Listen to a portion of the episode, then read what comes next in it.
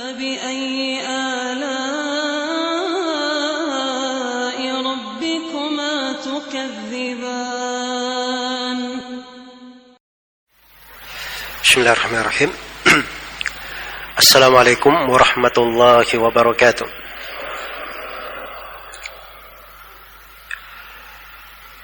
إن الحمد لله نحمده ونستعينه ونستغفره ونعوذ بالله من شرور أنفسنا وسيئات أعمالنا. من يهده الله فلا مضل له ومن يضلل فلا هادي له. أشهد أن لا إله إلا الله وحده لا شريك له وأشهد أن محمدا عبده ورسوله. يا أيها الذين آمنوا اتقوا الله حق تقاته ولا تموتن إلا وأنتم مسلمون. يا أيها الناس اتقوا ربكم الذي خلقكم من نفس واحدة وخلق منها زوجها وبث منهما رجالا كثيرا ونساء واتقوا الله الذي تساءلون به والأرحام إن الله كان عليكم رقيبا. يا أيها الذين آمنوا اتقوا الله وقولوا قولا سديدا يصلح لكم أعمالكم ويغفر لكم ذنوبكم ومن يطع الله ورسوله فقد فاز فوزا عظيما أما بعد. فإن أصدق الحديث كتاب الله وخير الهدي هدي محمد صلى الله عليه وسلم وشر الأمور محدثاتها فإن كل محدثة بدعة وكل بدعة ضلالة وكل ضلالة في النار Bapak-bapak, ibu-ibu, saudara-saudari sekalian, kaum muslimin dan muslimat, rahimani wa rahimakumullah. Saat-saat yang sangat berharga dan kesempatan emas di dalam hari-hari kehidupan. Bulan Ramadan yang akan datang bersama kita insyaallah taala. Dan seorang muslim dan muslimah di saat-saat yang seperti ini mendekati bulan Ramadan di hatinya ada sebuah perasaan yang menakjubkan berbeda dengan hari-hari yang lainnya. Ada kerinduan-kerinduan di dalam menyambut bulan, harapan-harapan, ada kesan-kesan yang diharapkan berlalu bersamanya ketika dia menjumpai bulan Ramadan. Dan itu termasuk keberkahan dan kebaikan ya Allah Subhanahu wa taala berikan untuk umat ini. Untuk umat Islam ini. Dia adalah bulan yang di dalamnya terdapat segala bentuk kebahagiaan, kebaikan dan kemenangan untuk setiap muslim dan muslimah. Sisa bagaimana kita menyambut bulan itu dengan sambutan yang terbaiknya menyambut bulan Ramadan dengan persiapan yang menunjukkan kesadaran akan besarnya nikmat Allah Subhanahu wa taala dan besarnya karunia Allah Subhanahu wa taala. Maka pada kesempatan ringkas ini saya akan menerangkan delapan langkah dari langkah-langkah kebaikan, langkah-langkah kemenangan yang hendaknya dihadirkan oleh setiap muslim dan muslimah dijadikan sebagai persiapannya dan bekal-bekalnya guna menyambut bulan Ramadan. langkah kemenangan yang pertama adalah bergembira dengan keutamaan dan rahmat Allah Subhanahu wa taala. Karena bulan Ramadan ini salah satu dari kebaikan yang sangat besar. Allah berfirman, "Syahrul Ramadan alladhi unzila fihi al-Qur'an hudan lin-nas wa bayyinatin minal huda wal furqan." Bulan Ramadan itu adalah bulan yang diturunkan padanya Al-Quran. Ini setelah sebelumnya diterangkan bahwa bulan Ramadan ada kewajiban puasa. Ya ayuhalladzina amanu kutiba alaikumus siyamu kama kutiba alal ladzina min qablikum la'allakum tattaqun.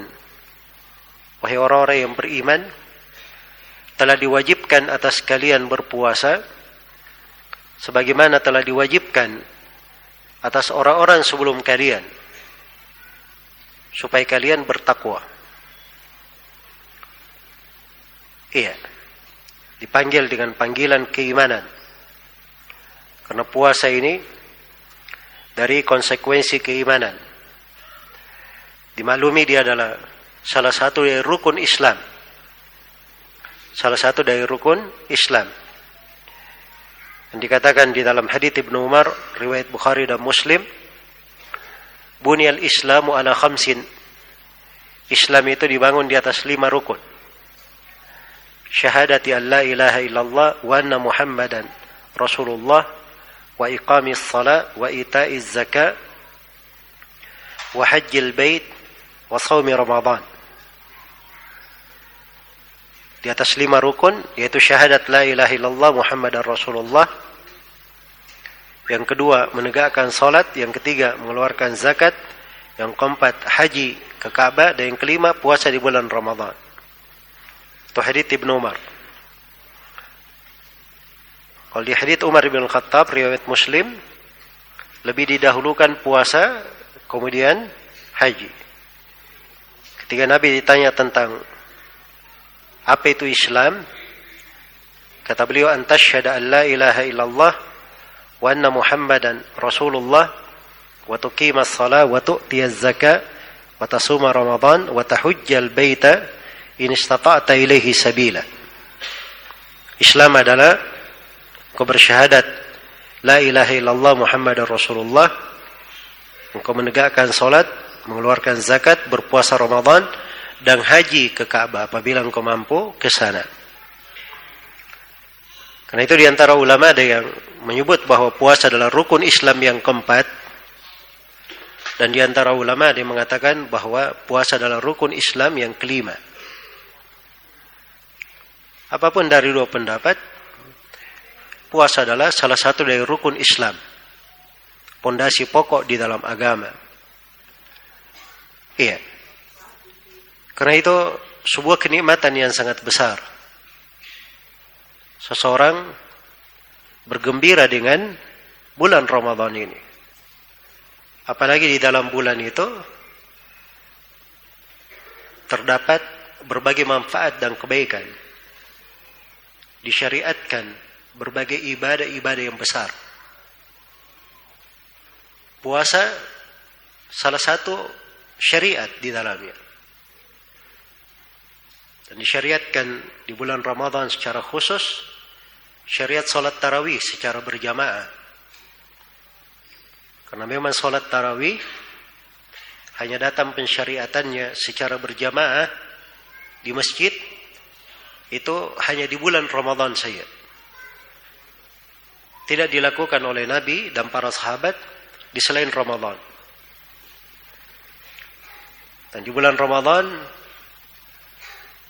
ada syariat zakat fitri di akhir Ramadan. Dan ada syariat untuk lebih menghidupkan hari-hari Ramadan dengan ketaatan dan ibadah.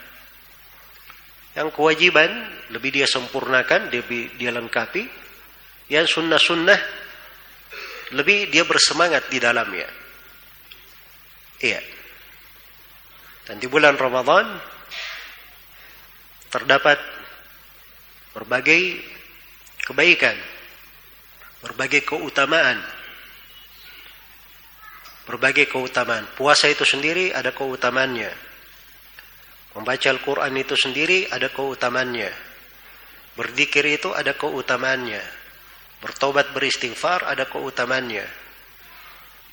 Memanfaatkan puasa dengan doa khususnya di tempat-tempat mustajabah seperti ketika berbuka puasa di sepertiga malam terakhir di waktu sahur ketika dia sedang sholat itu adalah ibadah-ibadah yang disyariatkan iya dan di bulan Ramadan seorang itu diberi oleh Allah Subhanahu wa taala dari perasaan yang ajib suatu hal yang menakjubkan dia punya dari semangat ibadah, keseriusan lebih daripada yang lainnya. Iya. Karena yang menghambat manusia dari ketaatan itu ada beberapa hal. Di antaranya adalah syaitan. Dan syaitan dibelenggu di bulan Ramadan. Dibelenggu. Iya. Karena itu dalam hadis riwayat Bukhari dan Muslim dari Abu Hurairah radhiyallahu taala anhu Rasulullah sallallahu alaihi wasallam bersabda, "Idza jaa Ramadan, futtihat abwabus sama wa ghulqat." Dalam sebuah riwayat futtihat abwabul jannah. Dalam sebuah riwayat futtihat abwabur rahmah. Wa ghulqat abwabu jahannam. Wa suffidatis syayatin. Dalam sebuah riwayat wa sulsilatis syayatin apabila Ramadan telah datang. Ini Nabi beritahu. Apabila Ramadan telah datang dalam sebuah riwayat, "Qad ja'akum syahrul Ramadan." Telah datang kepada kalian bulan Ramadan. ini dipetik oleh para ulama, syariat seorang itu memberi kabar gembira dengan kedatangan Ramadan, bergembira dengannya. Bergembira dengannya. Karena itu tidak ada masalah seorang berkata kepada saudaranya, kepada anak-anaknya, kepada karib roba, uh, kerabatnya. Ya. Telah datang bulan Ramadan, semoga Allah Subhanahu wa taala memberi taufik kepadamu di dalam memanfaatkannya, menjadikan engkau sebagai orang yang beruntung di dalamnya. Menjadikan engkau sebagai orang yang meraih kemenangan dan kebaikan di dalamnya. Nah, itu adalah hal-hal yang dibolehkan dan perkara yang sejalan dengan kabar gembira dari Nabi Shallallahu Alaihi Wasallam untuk para sahabat dengan kedatangan Ramadan. Ramadan apabila Ramadan telah datang kata Nabi pintu-pintu langit dibuka dalam sebuah riwayat pintu-pintu sorga dibuka pintu-pintu rahmat dibuka iya makanya kalau mau cari pintu-pintu sorga lahan-lahan ketaatan yang mengantar ke sorga itu bertebaran di bulan Ramadan. Bertebaran di bulan Ramadan. Sebagaimana seorang itu apabila hendak dirahmati oleh Allah, maka dia perhatikan dengan baik bulan Ramadan ini. Dia manfaatkan dengan semaksimal mungkin. Iya. Dan di bulan Ramadan pintu-pintu neraka ditutup Nah, ini menunjukkan bahwa neraka itu tadinya dibuka, kemudian ditutup di bulan Ramadan. Menunjukkan bahwa sorga dan neraka itu sudah ada sekarang ini. Sudah ada sekarang ini. Dan para syaitan dibelenggu. Para syaitan dibelenggu. Iya. Yang mengajak manusia kepada kejelekan itu banyak hal. Di antaranya adalah syaitan. Tapi bukan hanya syaitan yang mengajak kepada kejelekan jiwa juga, jiwa, jiwa kita sendiri itu kadang mengajak kepada kejelekan. Itu tabiat pada jiwa, kebanyakan dari jiwa. Karena itu dikatakan dalam Al-Quran, Inna nafsa la ammaratun bisu illa ma rahima rabbi. Sungguhnya jiwa itu selalu memerintah kepada kejelekan. Kecuali siapa yang dirahmati oleh Rabbku. Dan di sahih Muslim dari hadits Jabir ketika Nabi Shallallahu alaihi wasallam membaca khutbah hajat seperti yang saya bacakan di awal pertemuan ini kan di situ ada perlindungan wa na'udzubillahi min syururi anfusina dan kami berlindung kepada Allah dari keburukan jiwa-jiwa kami. Jiwa itu ada keburukannya. Jelas ya? Jadi kalau ada yang bertanya, kenapa di bulan Ramadan katanya syaitan dibelenggu, tapi masih ada kawan-kawannya syaitan berkeliaran. Melakukan dosa-dosa dan maksiat di bulan Ramadan. Tawuran di jalan-jalan. Ya. Acaran. Lebih daripada itu. Naudzubillah. Mencuri dan sebagainya. Kenapa justru ada yang melakukan atau banyak melakukannya di bulan Ramadan? Padahal syaitan dibelenggu. Maka jawabannya bahwa syaitan dibelenggu, betul syaitan dibelenggu, tapi yang mengajak kepada kejelekan itu bukan cuma syaitan. Kalau jiwanya juga jiwa mirip jiwanya syaitan, gemar dengan kejelekan, maka pasti dia akan jatuh juga dengan apa? Kejelekan atau pengaruh-pengaruh syaitan di selain Ramadan. Di selain Ramadan dia biasanya menjadi budaknya syaitan. Segala hal yang diajak oleh syaitan, disuruhkan oleh syaitan, semuanya dia ikuti. Dia kerjakan. Makmur dia dengan dosa dan maksiat. Nah, dia sudah terbiasa jiwanya dengan kejelekan. Begitu masa Ramadan, kadang kebiasaan pada jiwa ini tetap membuatnya seperti itu. Iya. Baik. Tapi dari hal yang merupakan kenikmatan bagi seorang hamba, syaitannya dibelenggu. Maka dengan itu dia lebih mudah untuk beribadah, lebih mudah untuk sadar, lebih mudah untuk apa? Bertobat kepada Allah Subhanahu wa taala. Dan banyak lagi dari kebaikan-kebaikan di belakang hal tersebut dengan datangnya bulan Ramadan ini. Maka tidak diragukan kebaikan-kebaikan itu semuanya adalah bagian dari keutamaan dan rahmat Allah. Bergembira dengan keutamaan dan rahmat Allah itu adalah sebuah kemenangan untuk seorang hamba. Karena Allah telah berfirman, "Qul bi fadlillahi wa bi rahmatih fabidzalika falyafrahu huwa khairun mimma yajma'un." Katakanlah wahai Nabi Muhammad, dengan keutamaan dari Allah dan dengan rahmatnya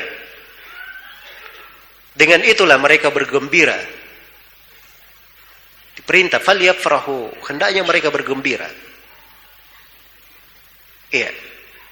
Ini perintah ya, perintah itu asalnya kewajiban. Asalnya kewajiban. Karena itu kalau ada orang yang Ramadan datang dia tidak bergembira, ini dia periksa baik-baik. Pada keimanannya, dia periksa baik-baik pada hatinya. Itu pasti ada masalah. Iya. Keutamaan dan rahmat Allah kita diperintah falyafrahu hendaknya mereka bergembira. Iya. Kenapa? Diterangkan lagi alasan kenapa kita bergembira. Sudut keutamaan. Huwa khairun mimma yajma'un. Bergembira dengan keutamaan dan rahmat Allah ini itu lebih baik daripada segala dunia yang mereka kumpulkan. Lebih baik daripada segala dunia yang mereka kumpulkan. Iya. Jadi kalau ada di dalam kehidupan dunia dari kebaikan yang kita anggap baik, seorang berbisnis misalnya dia berhasil, ya, dia ber, ber, uh, dia telah menguasai banyak dari perniagaan, anggaplah dia menjadi orang yang terkaya sedunia. Bergembira dengan keutamaan dan rahmat Allah itu lebih baik dari semua itu. Lebih baik daripada dunia dan segala segala isinya. Iya. Maka ini dari hal yang pertama yang hendaknya kita hadirkan di dalam diri kita. Kita didik jiwa kita untuk hal tersebut. Bergembira dengan keutamaan dan rahmat Allah. Bergembira dengan datangnya bulan Ramadan, bergembira dengan datangnya bulan puasa, bergembira dengan datangnya bulan kedermawanan, bergembira dengan datangnya bulan ketaatan, Bergembira dengan datangnya bulan yang dibuka di dalamnya pintu-pintu sorga. Ditutup pintu-pintu neraka. Bergembira dengan bulan Qiyamul Lail. Bergembira dengan bulan yang membuat seorang itu semakin dekat kepada ketaatan. Terdidik untuk meninggalkan dosa dan maksiat. Maka ini semuanya dari hal-hal yang patut kita bergembira akan keutamaan dan rahmat Allah Subhanahu wa taala. Siapa yang bergembira dengan kebaikan-kebaikan ini, maka itu suatu langkah awal dia sudah memperoleh kemenangan dari Allah Subhanahu wa taala. Dan dia sudah memperoleh kemenangan di dalam menyambut bulan Ramadan ini. Iya. Dan ini amalan hati perlu dihadirkan. Perlu dihadirkan. Kemudian yang kedua, langkah kemenangan yang kedua adalah seorang itu menghadirkan perasaan penghargaan terhadap besarnya nikmat serta peluang yang Allah berikan. Iya. Ini menghadirkan bagaimana agungnya nikmat dan bagaimana besarnya nilai dari peluang yang Allah Subhanahu wa taala berikan kepada kita. Supaya kita menjadi orang-orang yang bersyukur. Iya. Karena itu di sela-sela pembahasan ayat puasa Dikatakan wala'allakum tashkurun supaya kalian supaya kalian bersyukur. Subhanallah, banyak sekali dari nikmat dan karunia Allah. Iya. Maka ini patut untuk kita hadirkan. Patut untuk kita hadirkan. Kesempatan dan peluang di dalam umur Allah berikan kepada kita. Belum diberikan, belum tentu diberikan kepada orang yang lain. Iya. Mungkin saja kita memasuki bulan Ramadan. Di awal bulan kita mengingat perjumpaan terhadap bulan yang indah itu penuh dengan kebaikan. Ternyata ada saudara-saudara kita di tahun lalu masih menyaksikan bulan Ramadan. Ternyata sudah tidak bersama kita lagi. Mungkin ada ayah atau ibu atau saudara atau orang-orang dekat kita yang tahun kemarin masih menyaksikan bulan Ramadan, sekarang kita menjalani Ramadan tanpa mereka. Mungkin kalau seorang memeriksa, nah mungkin kalau dia tahu keadaan orang-orang yang berada di kuburan, orang-orang yang sudah kembali kepada Allah Subhanahu wa taala, setiap jiwa yang keluar dari dunia ini itu pasti menyesal. Siapa pun dia. Mukmin maupun kafir. Ya mukmin dia menyesal karena dia menganggap ada hal-hal yang dia telantarkan. Dia ingin beramal dengan amalan yang lebih besar lagi. Dia merasa bahwa dulu di kehidupan dunia ada ketaatan-ketaatan yang belum sempat dia kerjakan. Ingin dia kembali di kehidupan dunia. Itu seorang mukmin, apalagi seorang kafir. Demikian pula orang yang berdosa dan bermaksiat. Iya, yang banyak menelantarkan di dalam kehidupannya. Maka itu penyesalan di atas penyesalan antakula nafsun ya hasrata ala ma farrattu fi jambillah. Seorang jiwa berkata, wahai betapa penuh dengan penyesalan, kerugian terhadap apa yang telah saya telantarkan di sisi Allah Subhanahu wa taala. Iya. Andai kata mereka berhayal untuk kembali ke dunia, mungkin mereka, andai kata mereka diberi izin untuk kembali ke dunia, sebagaimana dikatakan oleh sebagian ulama, mereka akan berangan-angan untuk mendapatkan sebuah hari dari bulan Ramadan. Karena agungnya bulan itu. Banyaknya kebaikan di dalamnya. Banyaknya kebaikan di dalamnya. Iya. Karena itu kembali saya ingatkan dengan sebuah kisah. Dua orang sahabat yang sama-sama masuk Islam mendatangi kota Medina sebagaimana yang dituturkan oleh Talha bin Ubaidillah radhiyallahu anhu. Dua orang ini datang ke kota Medina sama-sama masuk Islam. Dua-duanya tinggal di rumah Talha bin Ubaidillah. Orang yang pertama giat beribadah.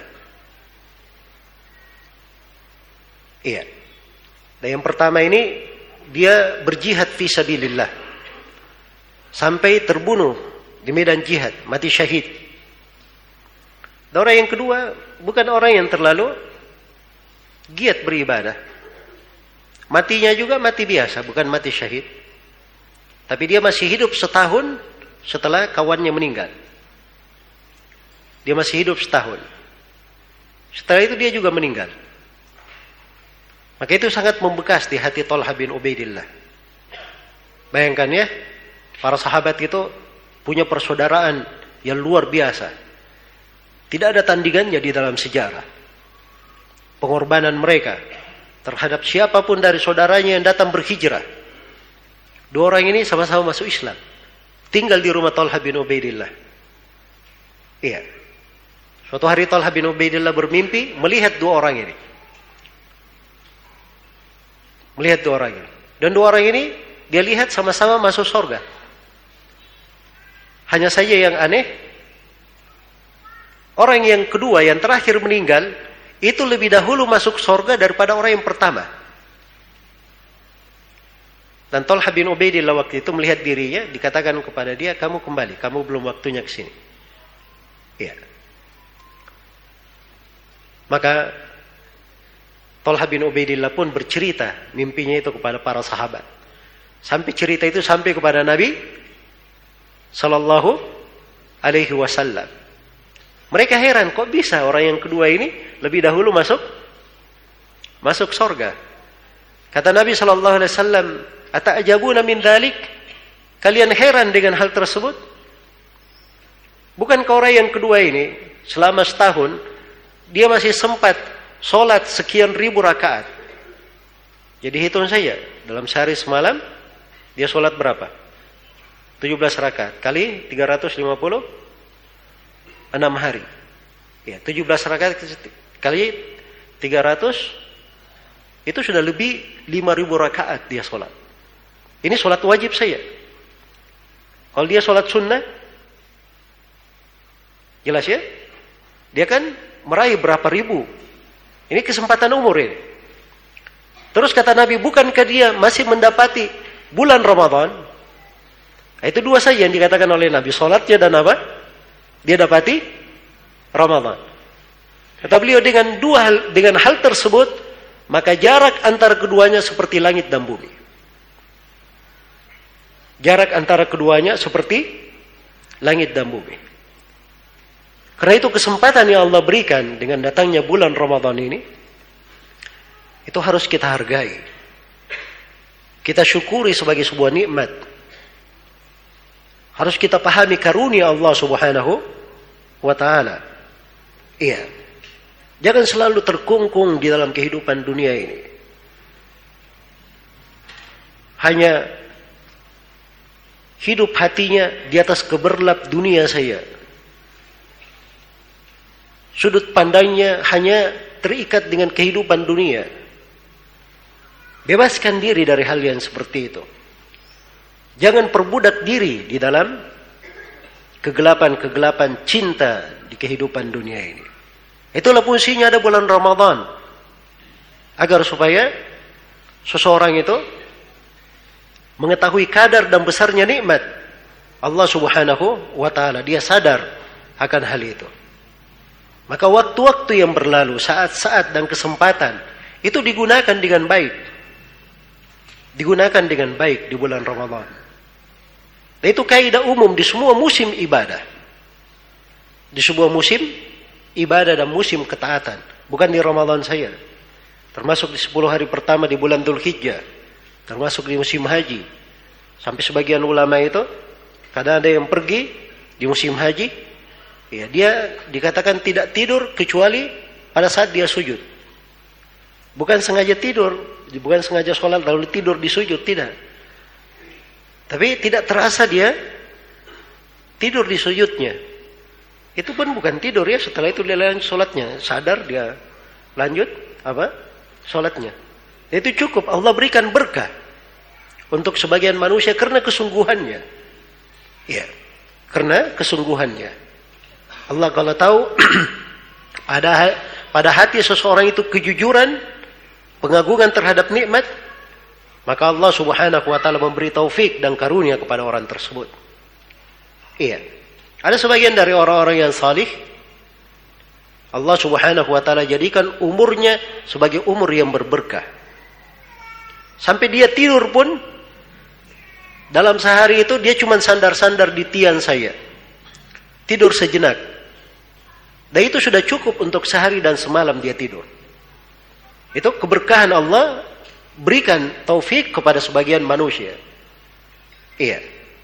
Karena kesungguhan dan kejujurannya. Dan itu dibangun di atas dasar. Dia hendaknya menghargai nikmat Allah subhanahu wa ta'ala. Dia kenal karunia dan anugerah. Dan dia syukuri nikmat tersebut. Nah, barulah dia berhak mendapatkan tambahan.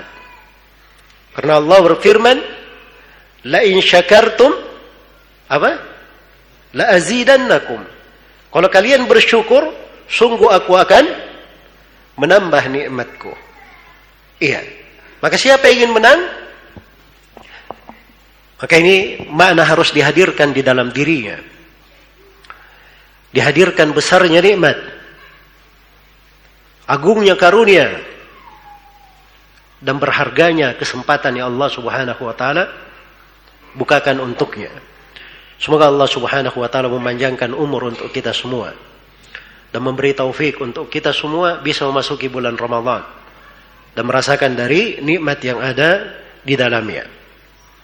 Baik, kemudian yang ketiga. Langkah yang ketiga adalah bersegera di dalam kebaikan. Bersegera di dalam kebaikan. Iya. Itu langkah kemenangan. Orang-orang yang menang harus memiliki langkah ini. Harus berada di atas pijakan ini. Itu dikatakan dalam Al-Quran. Wasari'u ila maghfiratin min rabbikum.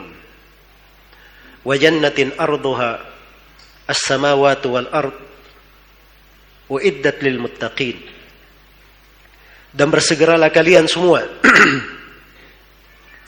kepada pengampunan dari Rabb kalian. Dan bersegeralah ke sorga. Luasnya seperti hamparan langit dan bumi disiapkan untuk orang-orang yang bertakwa. Di ayat yang lain wasabiku ila maghfiratin min rabbikum dan berlomba-lombalah kalian. Bahasanya berlomba-lomba, wasabiku. Iya. Dan sifat kaum mukminin Allah Subhanahu wa taala terangkan, ulaika yusari'una fil khairat wa hum laha sabiqun. Mereka itu adalah orang-orang yang berlomba-lomba di dalam kebaikan-kebaikan. Dan mereka adalah orang yang terdepan di dalamnya. Mereka saling berpacu di dalam hal tersebut. Nah, ini kaum mukminin. Kalau dia seorang mukmin, dia punya sifat itu. Bersegera di dalam kebaikan. Iya. Dan dia punya sifat bersaing di dalam kebaikan. Bersaing di dalam apa? Kebaikan. Beda dengan kita, subhanallah. Kita bersaingnya di dunia. Iya. Kalau ada tetangga punya baru punya mobil, dia panas dingin di rumahnya. Ya. Ada yang apa namanya masuk tender bersama, tender kawannya yang naik atau dia yang menang, ya. Dianya mungkin sepekan dua pekan satu bulan masih pusing memikirkannya. Ini jiwa-jiwa perlu ditata, perlu dirapikan. Seorang itu perlombaannya Jangan pada hal yang hina dari kehidupan dunia. Dunia itu sebesar apa pun, dia tetap hina. Namanya saja dunia. Dunia itu kalau dalam bahasa Arab, itu sesuatu yang dibawa, itu dunia namanya. Sesuatu yang dani, yang dibawa, yang diinjak di kaki, itu namanya dunia. Karena itu tidak mungkin dunia itu ada ketinggian di dalamnya. Kecuali orang yang memanfaatkan dunia untuk akhiratnya. Iya. Itu yang bisa mendapatkan apa? Ketinggian di dalam kehidupan dunia. Nah itu kata Al Hasan Al Basri rahimahullahu taala, kalau ada yang menyaingi kamu dalam kehidupan dunia, maka jangan kamu layani dia bersaing di kehidupan dunia, tapi kamu saingi dia dalam ketaatan dan kehidupan akhirat. Jelas ya? Kalau ada yang berbangga dengan dunianya, tidak usah dipikir itu. Kita lebih bersaing lagi di dalam apa? Sholat lima waktu, lebih giat lagi untuk hadir di masjid tepat waktu, ya. Lebih giat lagi untuk melakukan sholat malam, ya dan seterusnya. Itulah makna di dalam kehidupan. Iya. Bersegera di dalam kebaikan. Itu langkah dan pedoman dalam hidup Sifatnya orang-orang yang beriman. Dan itu pula sifat para nabi dan para rasul. Sifat para nabi dan para rasul. Karena itu nabi kita Nabi Muhammad sallallahu alaihi wasallam manusia yang paling sempurna di dalam hal itu. Sebagaimana para nabi, saudara-saudara beliau adalah orang-orang yang paling sempurna di dalam kesegeraan. Nabi Musa alaihi salam diperintah oleh Allah untuk datang ke Bukit Tur Nabi, Nabi Musa datang sebelum waktunya. Allah bertanya kepada Nabi Musa, "Wa ma ajalaka an qaumika ya Musa?" Apa yang menyebabkan engkau wahai Nabi Musa bersegera meninggalkan kaummu? Iya. Kemudian Nabi Musa berkata, "Wa ajiltu ilaika rabbi litarda." Saya bersegera kepada engkau wahai Rabbku supaya engkau ridha. Itu mereka cari. Kalau ada perintah, tampak kesegeraan.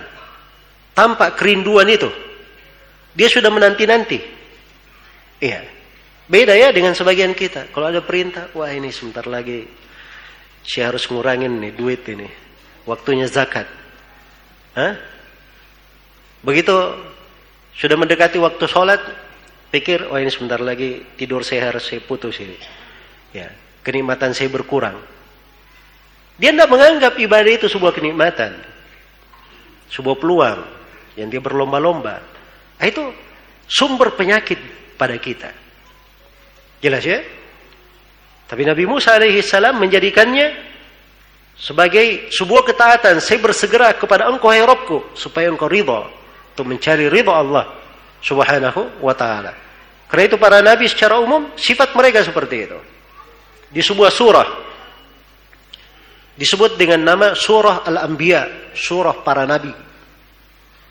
Dikisahkan di dalamnya nabi-nabi dan rasul.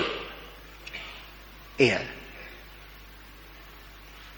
Disebutkan nabi kita Nabi Muhammad sallallahu alaihi wasallam. Disebut Nabi Musa, Nabi Harun, Nabi Ibrahim. Kemudian disebut Nabi Lut. Setelah itu disebut Nabi Nuh. Setelah itu disebut Nabi Daud dan Nabi Sulaiman. Disebut Nabi Ayub. Kemudian disebut tiga nabi, disebut Nabi Yunus, disebut Nabi Zakaria, Nabi Yahya. Kemudian Allah berfirman, "Innahum kanu yusari'una fil khairat wa yad'unana raghaban wa rahaba wa kanu lana khashiin." Sesungguhnya mereka para nabi itu adalah orang-orang yang bersegera di dalam kebaikan. Dan mereka beribadah kepada kami dengan penuh rasa takut, penuh rasa cinta. Iya. Dan mereka adalah orang-orang yang berkhusyuk, orang yang sangat khusyuk dalam beribadah. Itu sifat mereka. Innahum kanu yusari'una fil khairat. Mereka itu selalu bersegera di dalam kebaikan. Itu sifatnya para nabi dan para rasul. Iya. Kalau ada perintah mereka khawatir mengundurkannya. Takut mengundurkan itu. Iya. Karena itu disebutkan dalam sebuah hadis yang panjang di Musnad Imam Ahmad dan selainnya tentang Allah Subhanahu wa taala memerintah Nabi Yahya bin, Zaka- bin Zakaria untuk menyampaikan lima perintah Allah. Dan waktu itu Nabi Yahya agak terlambat, makanya diingatkan oleh Nabi Isa supaya menyampaikannya. Dan Nabi Isa berkata, kalau engkau tidak sampaikan maka saya akan sampaikan. Kata Nabi Yahya, jangan engkau mendahului saya menyampaikannya. Karena saya khawatir siksaan Allah akan turun kepadaku apabila engkau mendahului saya. Iya. Maka beliau pun menyampaikan. Setelah itu Nabi berkata, dan saya juga perintah kalian dengan lima perkara. Allah perintah saya untuk menyampaikannya kepada kalian. Beliau langsung sampaikan. Tunai. Lengkap. Jelas ya? Nah, itulah sifatnya para nabi dan para rasul. Sampai pernah suatu saat Nabi Shallallahu Alaihi Wasallam di sebuah solat, beliau memperingkas solatnya, memperingkas solatnya. Iya. Setelah salam, beliau langsung berdiri, masuk ke rumahnya. Kemudian beliau keluar membawa potongan-potongan dari emas. Ada harta yang sampai kepada Nabi dari harta kaum muslimin. Harusnya dibagikan. Masih ada yang tersisa. Maka beliau ingat hal itu. Beliau sementara sholat. Maka beliau peringkas sholatnya untuk menunaikan apa? Hal tersebut. Padahal sholat ini kewajiban. Jelas ya? Kewajiban. Tapi memperpanjang itu kadar lebih namanya. Memperpanjang kadar apa? Kadar tambahan. Ya. Sepanjang sholatnya sudah syah, maka kewajiban sudah terangkat. Ternyata Nabi memperingkas sholatnya menunjukkan bahwa bersegera terhadap perintah itu lebih cepat. Itu lebih didahulukan. Maka seorang muslim seperti itu dan muslimah menyambut musim-musim ketaatan, kebaikan-kebaikan. Hendaknya seperti itu. Dan kita selalu diingatkan dalam Al-Quran. Di berbagai kesempatan, di berbagai tempat. Ya. Dan kita diberi wejangan-wejangan yang harusnya sudah membuat hati itu terbelah-belah. Karena sadar harusnya dia ingat besarnya dan pentingnya seseorang itu segera kembali kepada Allah Subhanahu wa taala. Ketika disebut penduduk sorga, Allah berfirman, "Wa fi dzalika falyatanafasil mutanafisun." Dalam hal yang seperti itu, hendaknya orang yang bersaing berlomba-lomba di dalamnya. Ketika disebut tentang penduduk neraka, seorang dari penduduk sorga mengajak kawan-kawannya untuk melihat ke neraka. Maka ternyata di neraka itu dia melihat seseorang yang dulunya memperingatkan dia, jangan kamu ikut ini, jangan kamu ikut itu. Rupanya dia sendiri berada di mana? Di neraka. Maka orang yang berada di sorga ini betul-betul besar karunia dan nikmat Allah. Dia berkata, hampir saja engkau menyesatkan saya, membinasakan saya. Ya. Alhamdulillah dia tidak mengikuti orang tersebut. Nah, dan di situ diingatkan oleh Allah Subhanahu wa taala, "Limisli hadza falyamalil amilun." Untuk kehidupan yang seperti ini, orang yang beramal hendaknya beramal. Itu asal di dalam kehidupan. Kita hidup berlomba-lomba, bersegera berlomba di dalam umur ini, berlomba dalam kesempatan yang Allah Subhanahu wa taala berikan. Umur itu ada batasnya. Umur ada akhirnya. Setiap insan ada ajalnya. Yang dia pasti akan menjalani ajal tersebut. Kullu nafsin da'iqatul maut. Setiap jiwa pasti akan merasakan kematian. Aina ma takunu yudrikkumul maut walau kuntum fi burujim musyayyada. Di mana pun kalian berada, kalian akan dijemput oleh kematian. Walaupun kalian berada di benteng yang sangat kokoh. Qul innal mauta alladhi tafirruna minhu fa innahu mulaqikum. Katakanlah sungguhnya kematian yang kalian lari darinya, kematian itu akan menjumpai kalian. Likulli ummatin ajal. Idza jaa ajaluhum la yasta'khiruna sa'atan wa la yastaqdimun. Setiap umat ada ajalnya. Apabila ajal itu telah datang, tidak bisa dia kedepankan, tidak bisa diakhirkan. Iya. Segala sesuatu ada ujungnya, ada akhirnya dari kehidupan dunia ini.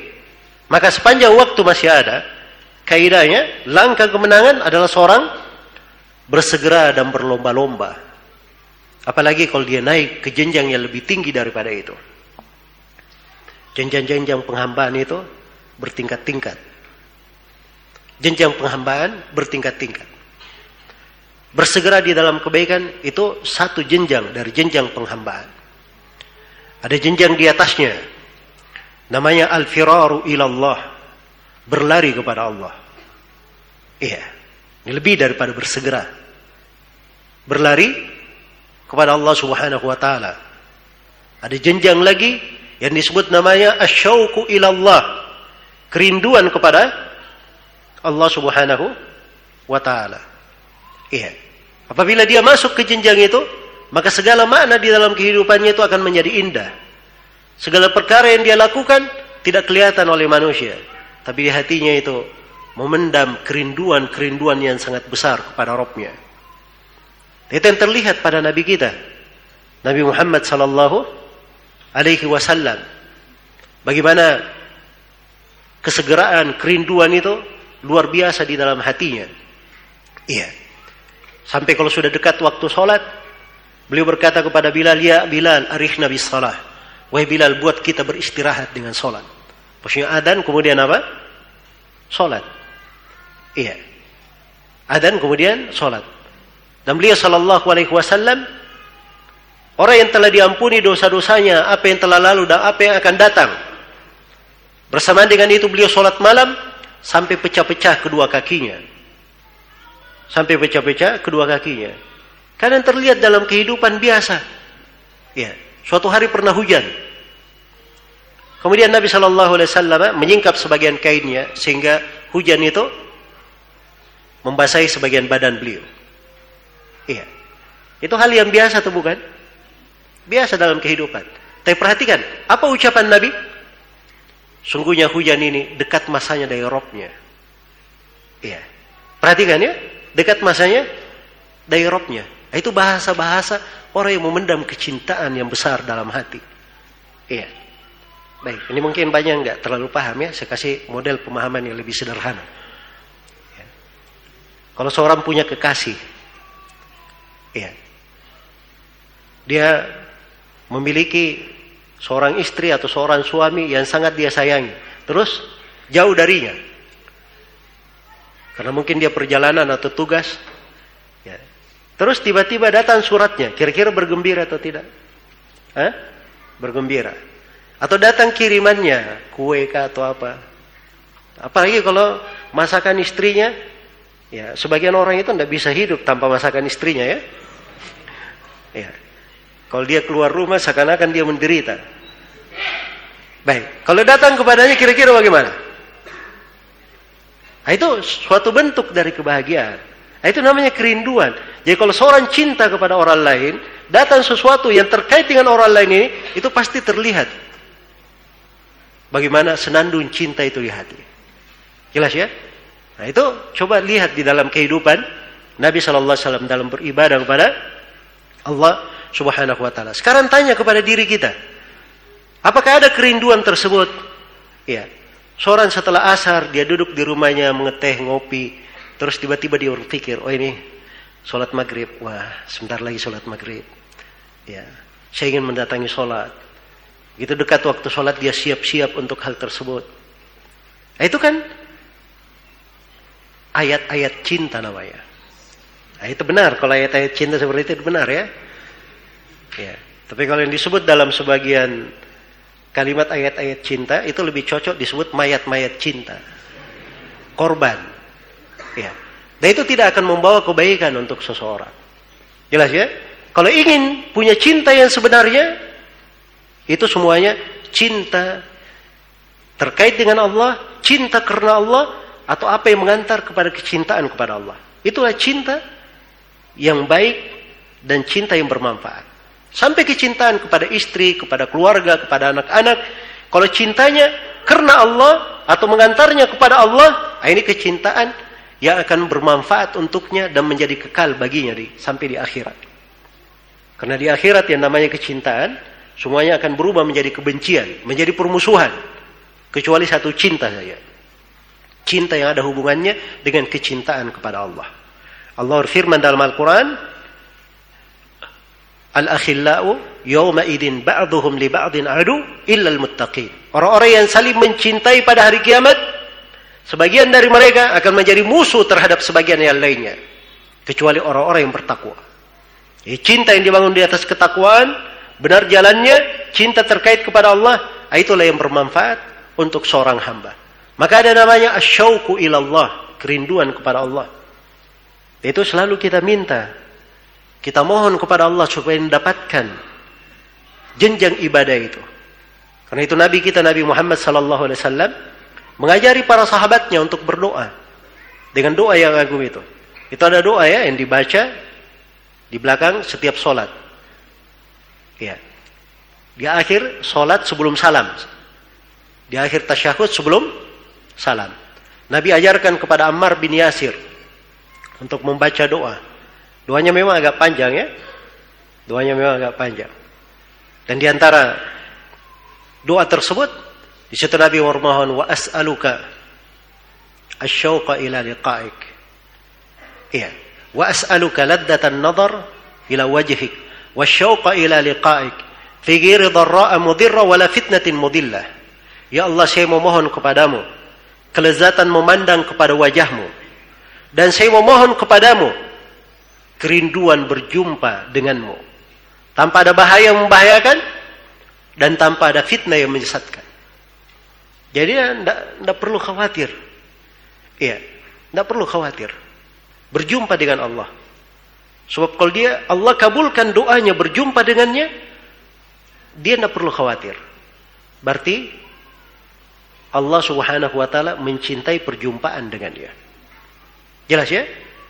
Karena itu seorang mukmin dia selalu berdoa kepada Allah. Ya Allah kalau memang kehidupan yang baik bagiku, hidupkanlah saya.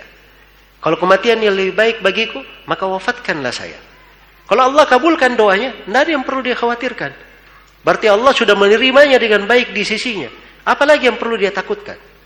Jelas ya? Cuman kadang sebagian orang kalau dia pikir mati. Ya. Mati. Apalagi dia cemas dengan dosa-dosanya. Ini saya banyak dosa-dosa. Betul seorang itu khawatir terhadap dosa-dosa. Ya. Dan itu satu jenjang tapi jangan menghambat dia dari kecintaannya kepada Allah, kerinduannya kepadanya dan kerinduan berjumpa dengannya. Itu nilai-nilai ibadah. Semuanya hendaknya seimbang pada diri seseorang, ya, saling mendukung, saling menguatkan. Baik. Jadi ini langkah yang ketiga. Kemudian langkah yang keempat dari langkah kemenangan adalah seorang itu selalu menghadirkan pengagungan terhadap negeri akhirat di dalam jiwanya. Dan dia menempuh jalan secara maksimal menuju kepada sorga Allah Subhanahu wa taala. Iya. Itu langkah kemenangan. Seorang mukmin kalau dia sudah berada di atas jalan ini, langkah ini ada pada dirinya, dia selalu menghadirkan keagungan negeri akhirat dan upayanya kepada sorga itu yang berjalan dalam kehidupannya, maka itu adalah suatu kemenangan dan kebahagiaan untuk seorang hamba. Dia sudah terjamin di atas jalannya para nabi dan para rasul. Sebab seluruh nabi dan rasul dakwanya kepada manusia untuk hal itu. Karena itu dikatakan dalam Al-Qur'an, "Wa man arada al-akhirah wa sa'alaha sa'yaha wa huwa mu'min fa sa'yuhum mashkura." Barang siapa yang menghendaki kehidupan akhirat harus ada irada itu. Semangat yang besar terhadap kehidupan akhirat. Iya wasa'alaha sa'yaha dan dia sudah berjalan untuk akhiratnya. Nah, ini ada jalannya menuju ke akhirat. Pintu-pintu sorga dia ketuk.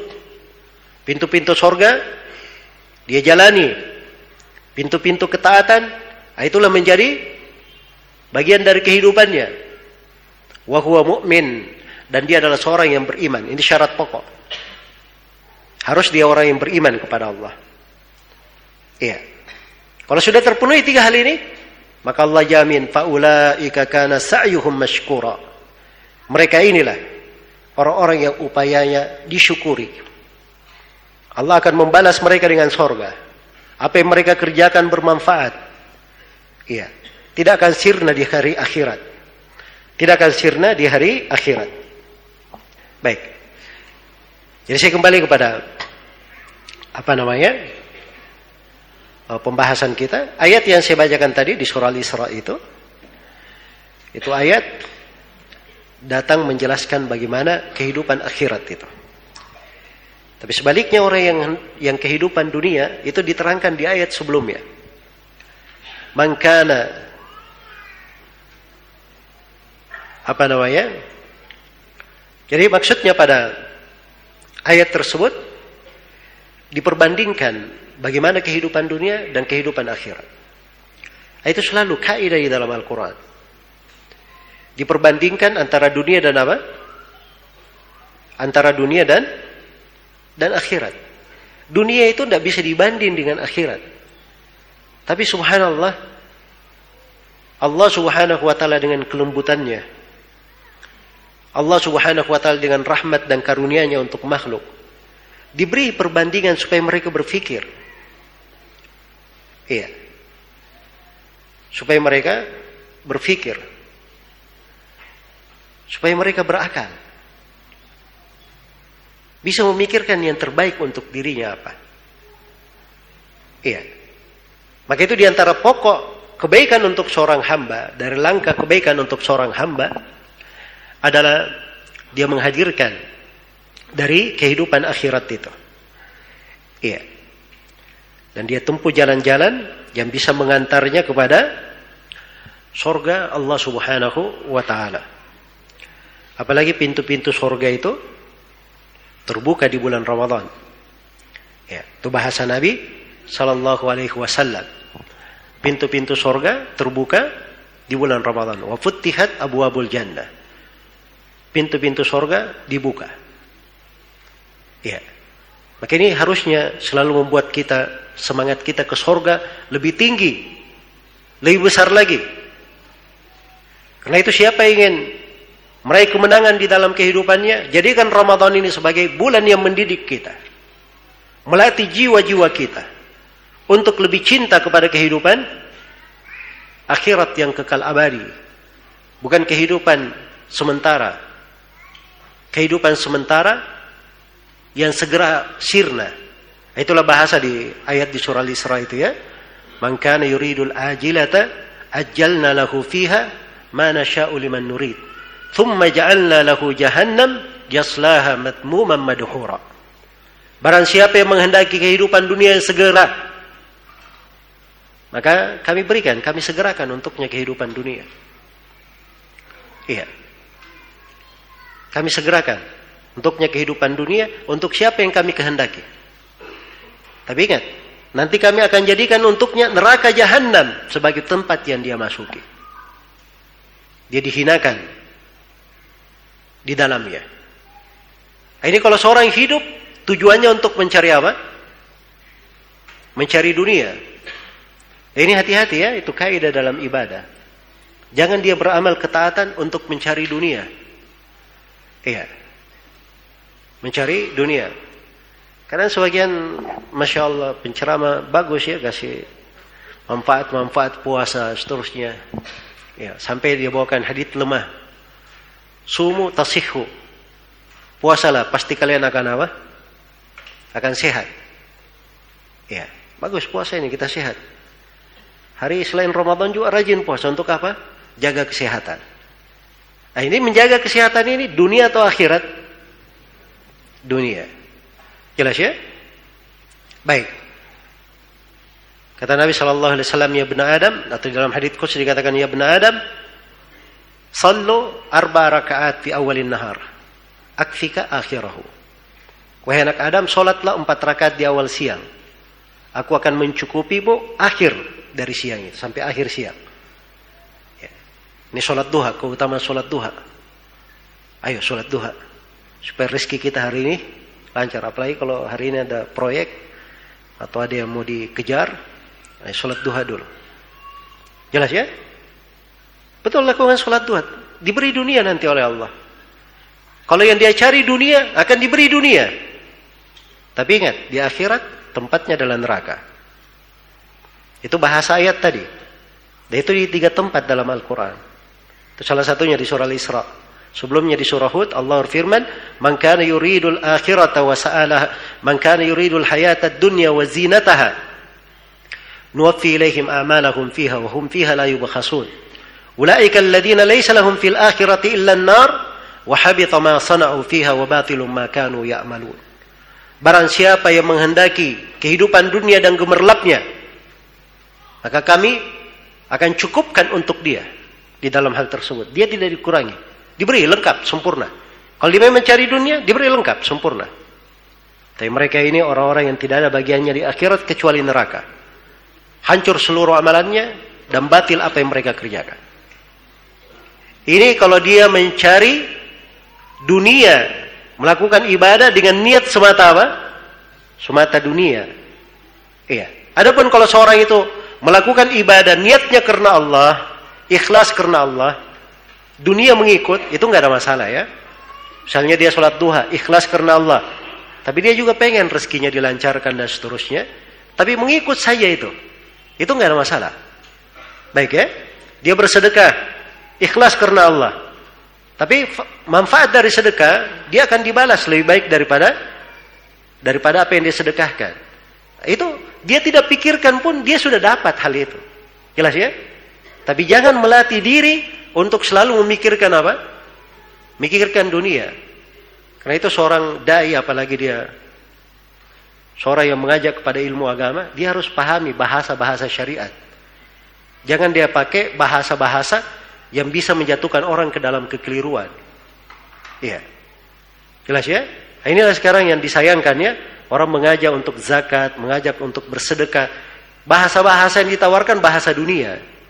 Bahasa proyek. Iya. Jadi pikirannya dunia. Ya. Pikirannya dunia. Kamu bersedekah dengan sebuah motor, dapat 700 motor di akhirat. Ya. Jelas ya?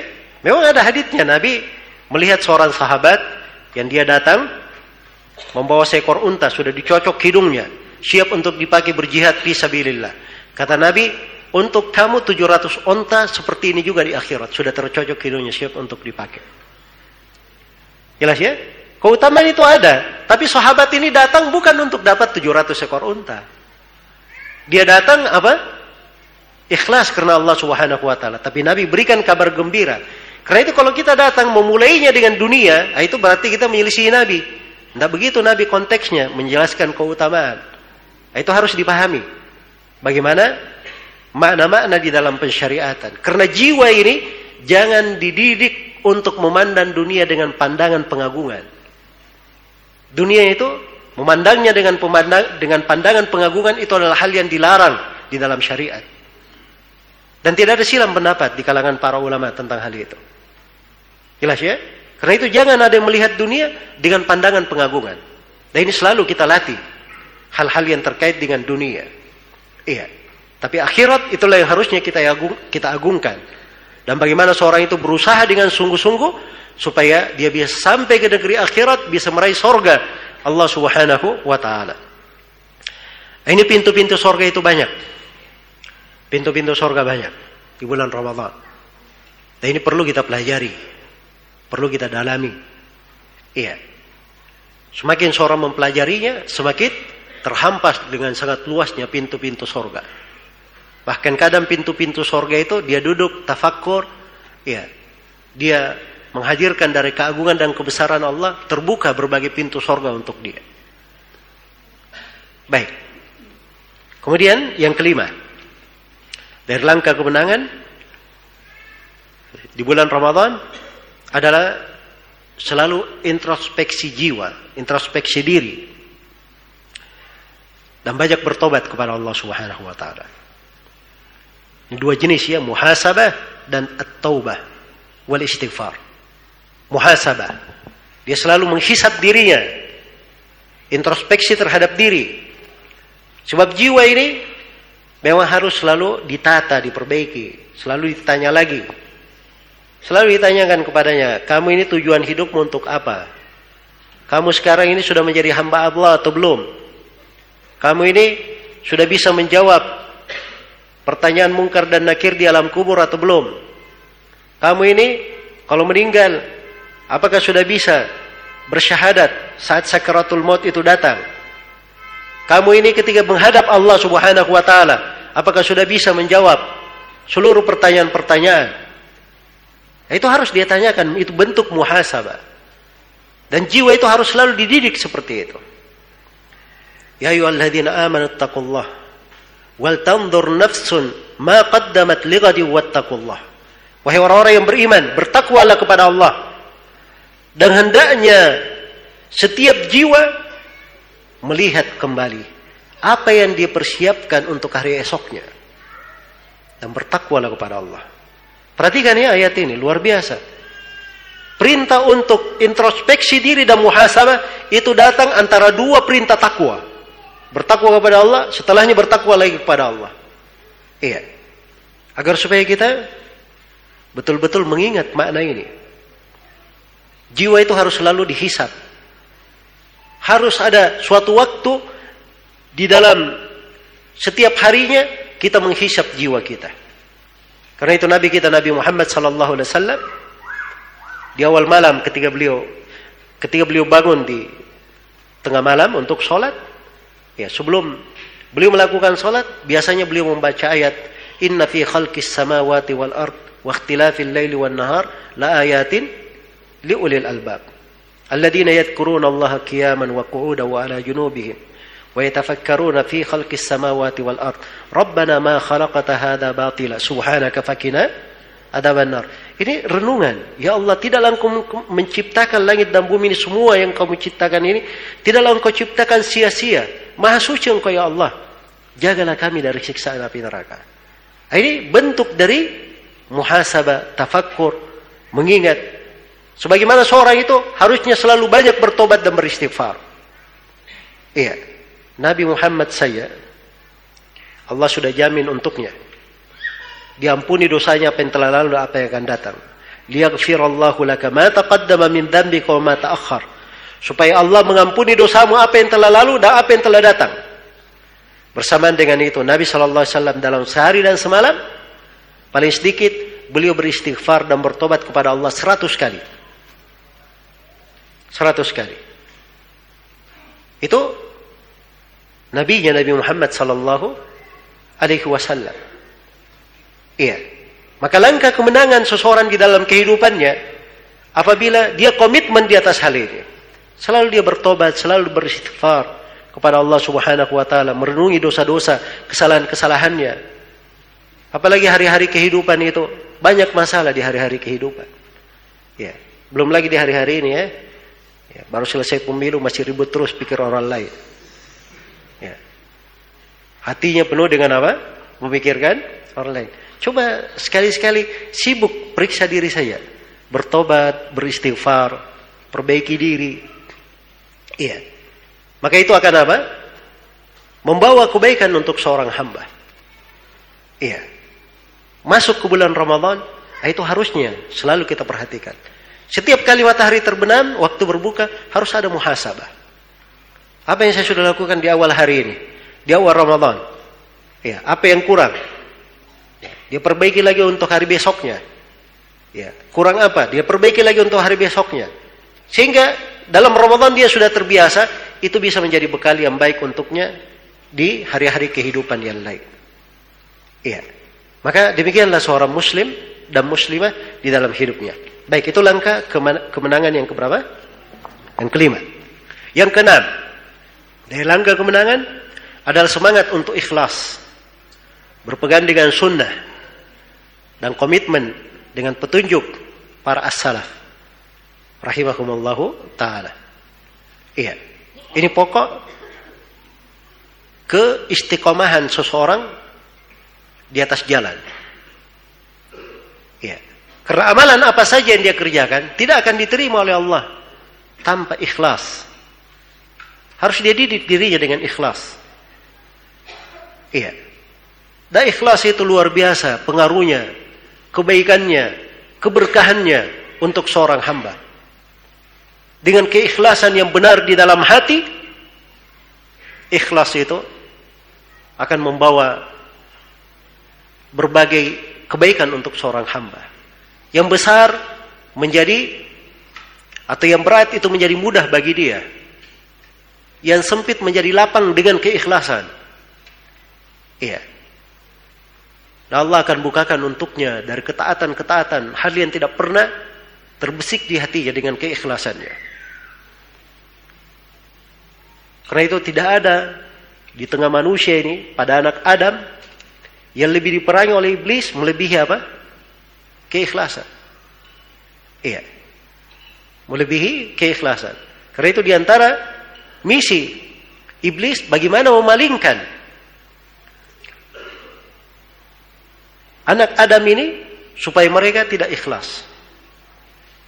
Karena itu yang semuanya diserang oleh iblis. Tapi yang, yang dia tidak mampu menyerangnya adalah illa ibadaka minhumul mukhlasin. Kecuali hamba-hamba engkau yang ikhlas. Keikhlasan itu tidak bisa ditembus oleh iblis. Iya. Apabila seorang punya keikhlasan, maka keikhlasan ini adalah kunci kebaikan untuknya dalam ibadahnya. Kemudian dia harus berpegang dengan sunnah Nabi. Ikhlas tapi menyelisih sunnah Nabi, menyelisih petunjuk Rasulullah sallallahu alaihi wasallam, juga tidak diterima amalannya. Karena Rasulullah bersabda, "Man amila amalan laisa alaihi amruna fahuwa radd."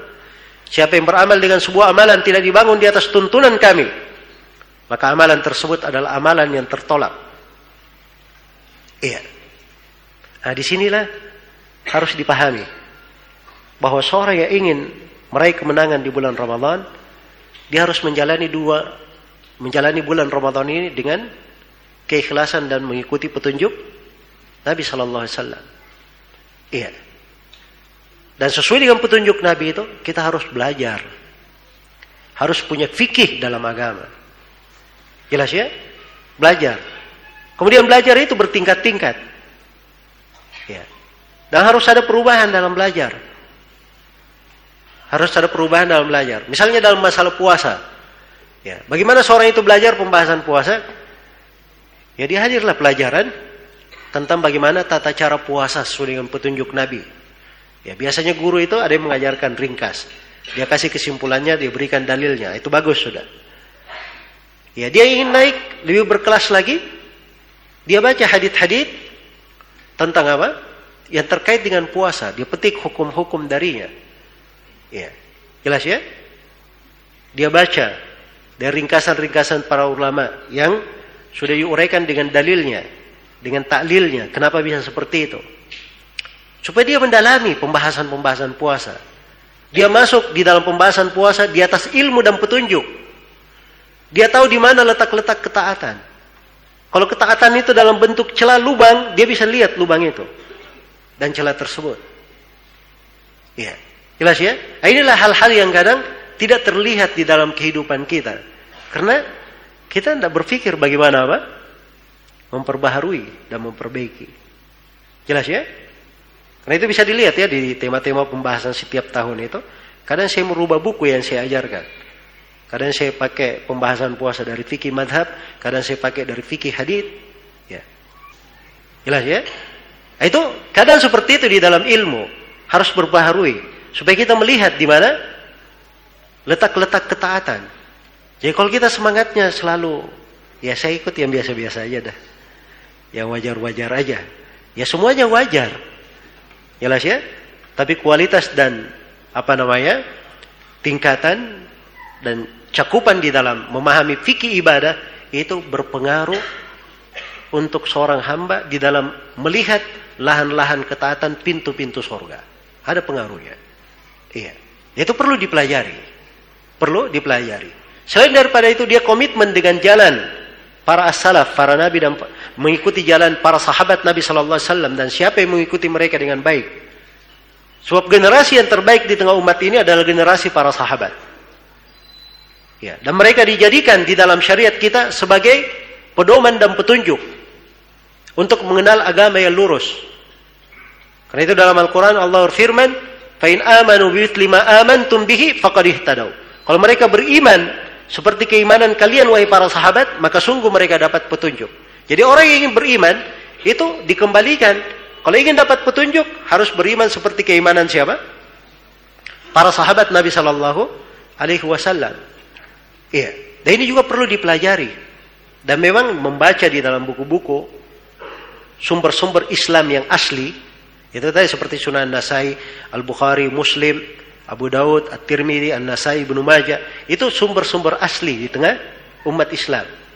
Karena memakai sanad periwayatan bersambung sampai kepada Nabi Sallallahu Alaihi Wasallam. Nah, membacanya langsung dari situ itu akan mengantar seseorang supaya bisa melihat bukan cuma Nabi saja yang dia lihat, para sahabatnya juga bagaimana memahami dari syariat-syariat tersebut. Nah, itu akan membuat dia lengkap. Dan apabila dia lengkap dalam hal ini, keikhlasannya bagus, berpegang teguh dengan sunnah Nabi, komitmen di atas jalannya para sahabat, dan siapa yang mengikuti mereka dengan baik, maka ini pokok kemenangan untuk seorang hamba di dalam kehidupannya. Bukan di bulan Ramadan saja. Tapi di segala waktu di dalam kehidupan. Baik. Kemudian yang ketujuh. Dari langkah kemenangan adalah menghidupkan ibadah-ibadah, menghidupkan kewajiban-kewajiban dan ibadah-ibadah yang melengkapinya. Iya. Ya kalau dia punya kewajiban, dia perhatikan lagi lebih serius. Kalau selama ini kewajibannya kurang sempurna, dia lakukan dengan hal yang sempurna. Iya. Kalau kewajiban itu ada yang sempurna, ada yang lebih sempurna, ada yang paling sempurna, dia berusaha untuk mencapai jenjang yang paling sempurna ya. Jelas ya? Dan seorang itu memulai dari kewajibannya. Itu yang paling pokok. Karena itu dalam hadits qudsi yang diriwayatkan oleh Imam Al-Bukhari, Rasulullah sallallahu alaihi wasallam meriwayatkan bahwa Allah berfirman, iya. Man adari waliyan faqad adantuhu bil harb. Siapa yang memusuhi waliku, maka aku telah mengumumkan peperangan kepadanya. Kemudian Allah berfirman, "Wa ma taqarraba ilayya 'abdi bi syai'in ahabba ilayya mimma aftaradtuhu alayh." Dan tidaklah hambaku mendekatkan dirinya kepadaku dengan sesuatu ibadah yang lebih aku cintai daripada dia menunaikan kewajibannya. Ya kalau seorang menunaikan kewajiban, itu yang paling dicintai. Pokok yang paling dicintai oleh Allah. Jelas ya? Nah, ini di bulan Ramadan ini hati-hati. Iya. Kadang salah menimbang. Ya, kalau ini ya apa namanya kadang di Makassar dibilang salah keker. Ya. Jelas ya? Masya Allah sholat malam serius. Semangat. Iya. Giliran subuh, sholatnya jam 6, ketiduran. Nah ini hidupkan sholat sunnah, tetapi dia telantarkan apa? Telantarkan sholat wajibnya. Nah ini hati-hati ya. Hati-hati. Dan ingat ya, syaitan itu ada jurus seperti itu, syaitan. Jadi kadang dia sibukkan orang dengan hal-hal yang makruh supaya dia lupa yang sunnah. Kadang dia sibukkan orang dengan hal yang sunnah supaya dia lupa yang wajib. Nah, begitu caranya. Ya. Nah, seorang mukmin dan mukminah itu harus peka hal-hal yang seperti itu. Jadi dia pokok dia mulai dari kewajiban-kewajiban. Iya. Apa yang merupakan kewajibannya dia maksimalkan. Dia maksimalkan. Nah, setelah itu dia sempurnakan dengan ibadah-ibadah yang lain. Di bulan Ramadan itu ada dua jihad. Ada jihad di malam hari dan ada jihad di siang hari. Iya. Di malam dan di mana? Di siang hari. Orang yang paling beruntung adalah orang yang berhasil di dua jihad ini. Iya. Ada orang yang jago jihad di malam hari aja, siang harinya KO dia. Ya. Jelas ya? Ada yang bisa di siang hari, tapi di malam hari dia kurang berkutik di situ. Ya. Tapi yang beruntung adalah siapa yang berhasil di dua-duanya. Ya. Karena itu diperiksa dalam sehari dan semalam apa yang dia kerjakan, apa yang dia lakukan. Iya. Baik. Ketaatan dan ketaatan sudah dia hitung. Apa yang saya harus kerjakan ini? Ketaatan apa yang paling diutamakan? Nah, dia lihat dulu ketaatan yang punya kaitan khusus dengan Ramadan. Ada namanya puasa. Jelas ya? Membaca Al-Quran. Ya, sholat tarawih. Sholat malam. Ya, memberi buka puasa. Nah, ini ibadah-ibadah ada kaitan khususnya dengan apa?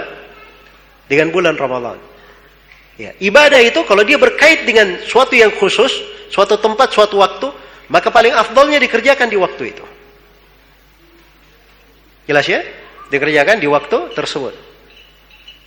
Karena itu antara adan dan komat, kalau ada yang bertanya, antara adan dan komat, yang mana yang lebih afdol? Berdoa atau membaca Al-Quran? Kalau membaca Al-Quran secara umum itu paling afdol ya membaca Al-Quran.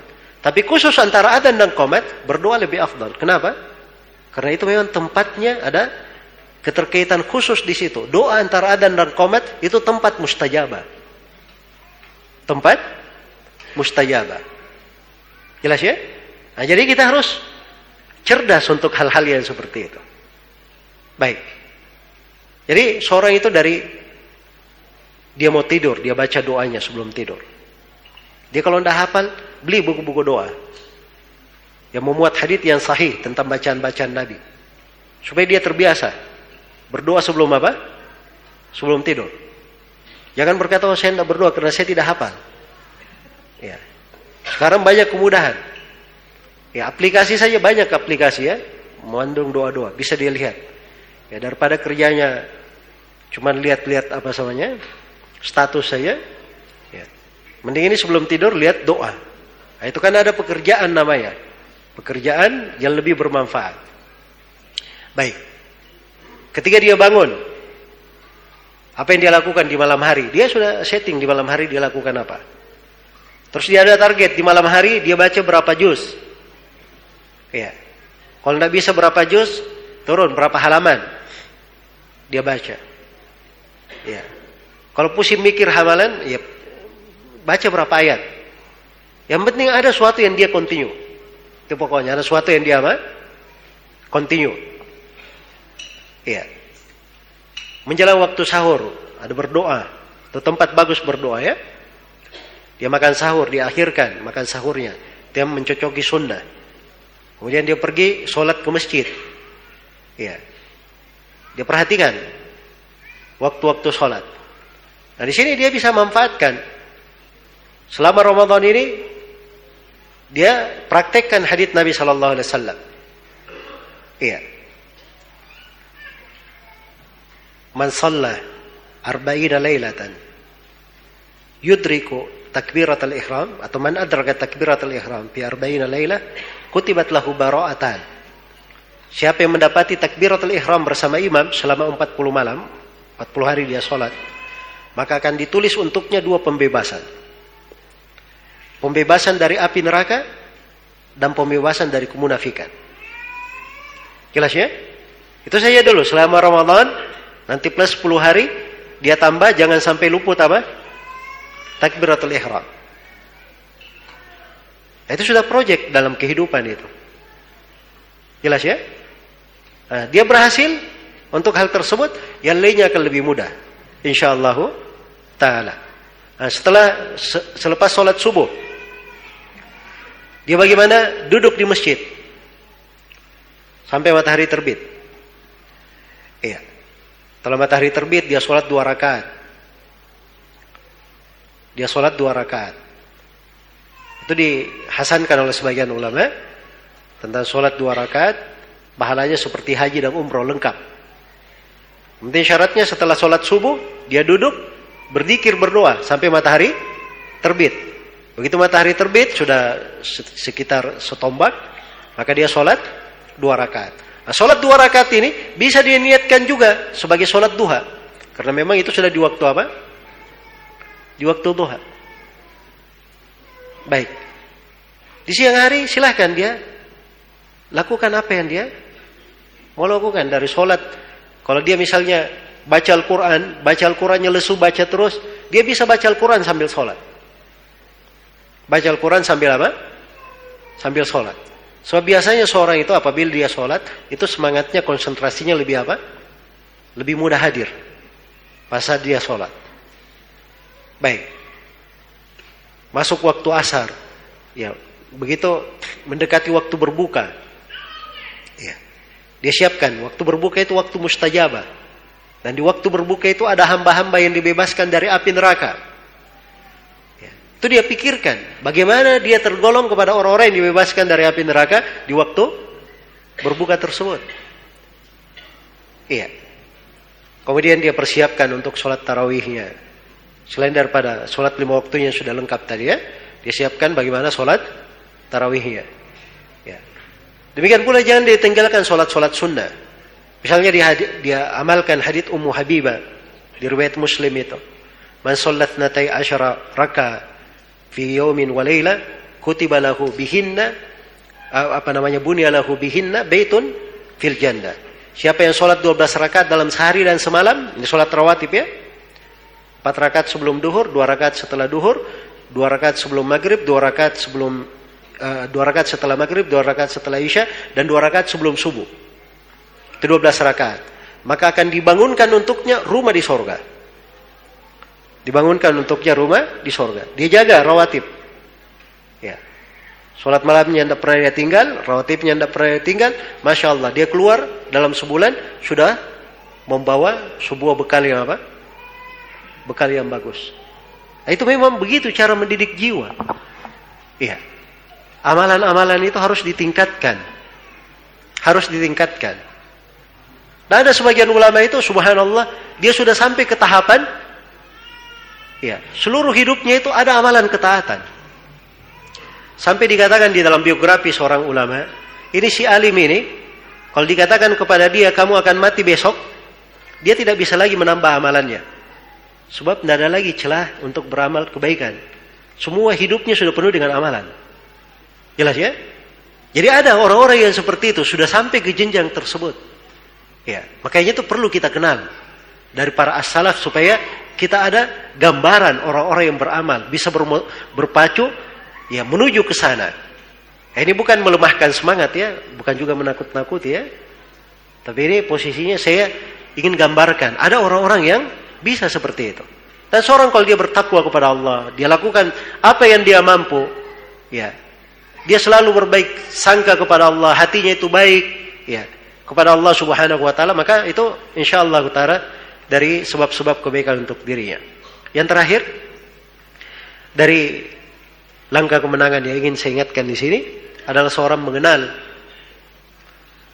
seorang mengenal ya begal-begal jalan yang bisa menghambat dia ke akhirat. Tahu begal? Hah? Ya mau diartikan begal, mau diartikan perampok, mau diartikan pemutus jalan. Ya. Ini yang memutus jalan ke akhirat ini banyak. Ada yang namanya syaitan. Harus dia kenal itu syaitan. Jangan sampai memutus dia dari jalan.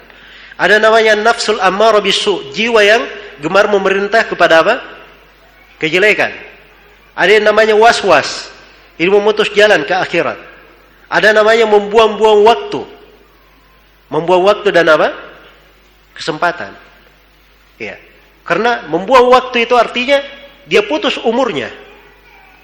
Dia putus umurnya. Dan itu memutusnya ke akhirat. Jadi harus kenal dulu yang bisa memutus jalannya ke akhirat.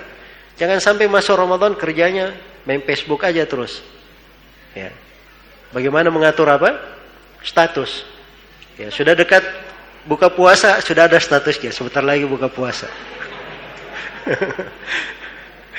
sudah mau buka, sudah ada semua fotonya di situ, ada barongkonya, ada ininya. Sudah macam-macam. Jelas ya? Ya, sudah buka pun ya ada gaya santainya setelah buka. Ya, ada statusnya. Nah, ini nggak bagus yang seperti ini. Dia harus tahu hal-hal yang bisa apa? memutusnya dari dari akhirat. Iya. Ya kalau dia tidak mengenal hal-hal yang seperti ini, itu asalnya dia sudah kalah. Masuk Ramadan dalam keadaan dia terbelenggu.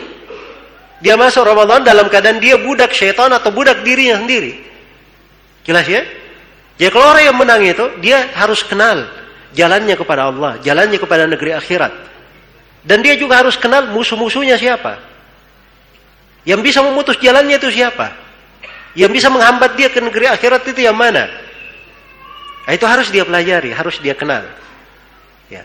Maka segala hal yang menelantarkannya, yang menjauhkannya dari Allah Subhanahu wa taala dan dari akhirat, nah, itu pemutus-pemutus dari jalan yang harus kita berwaspada darinya.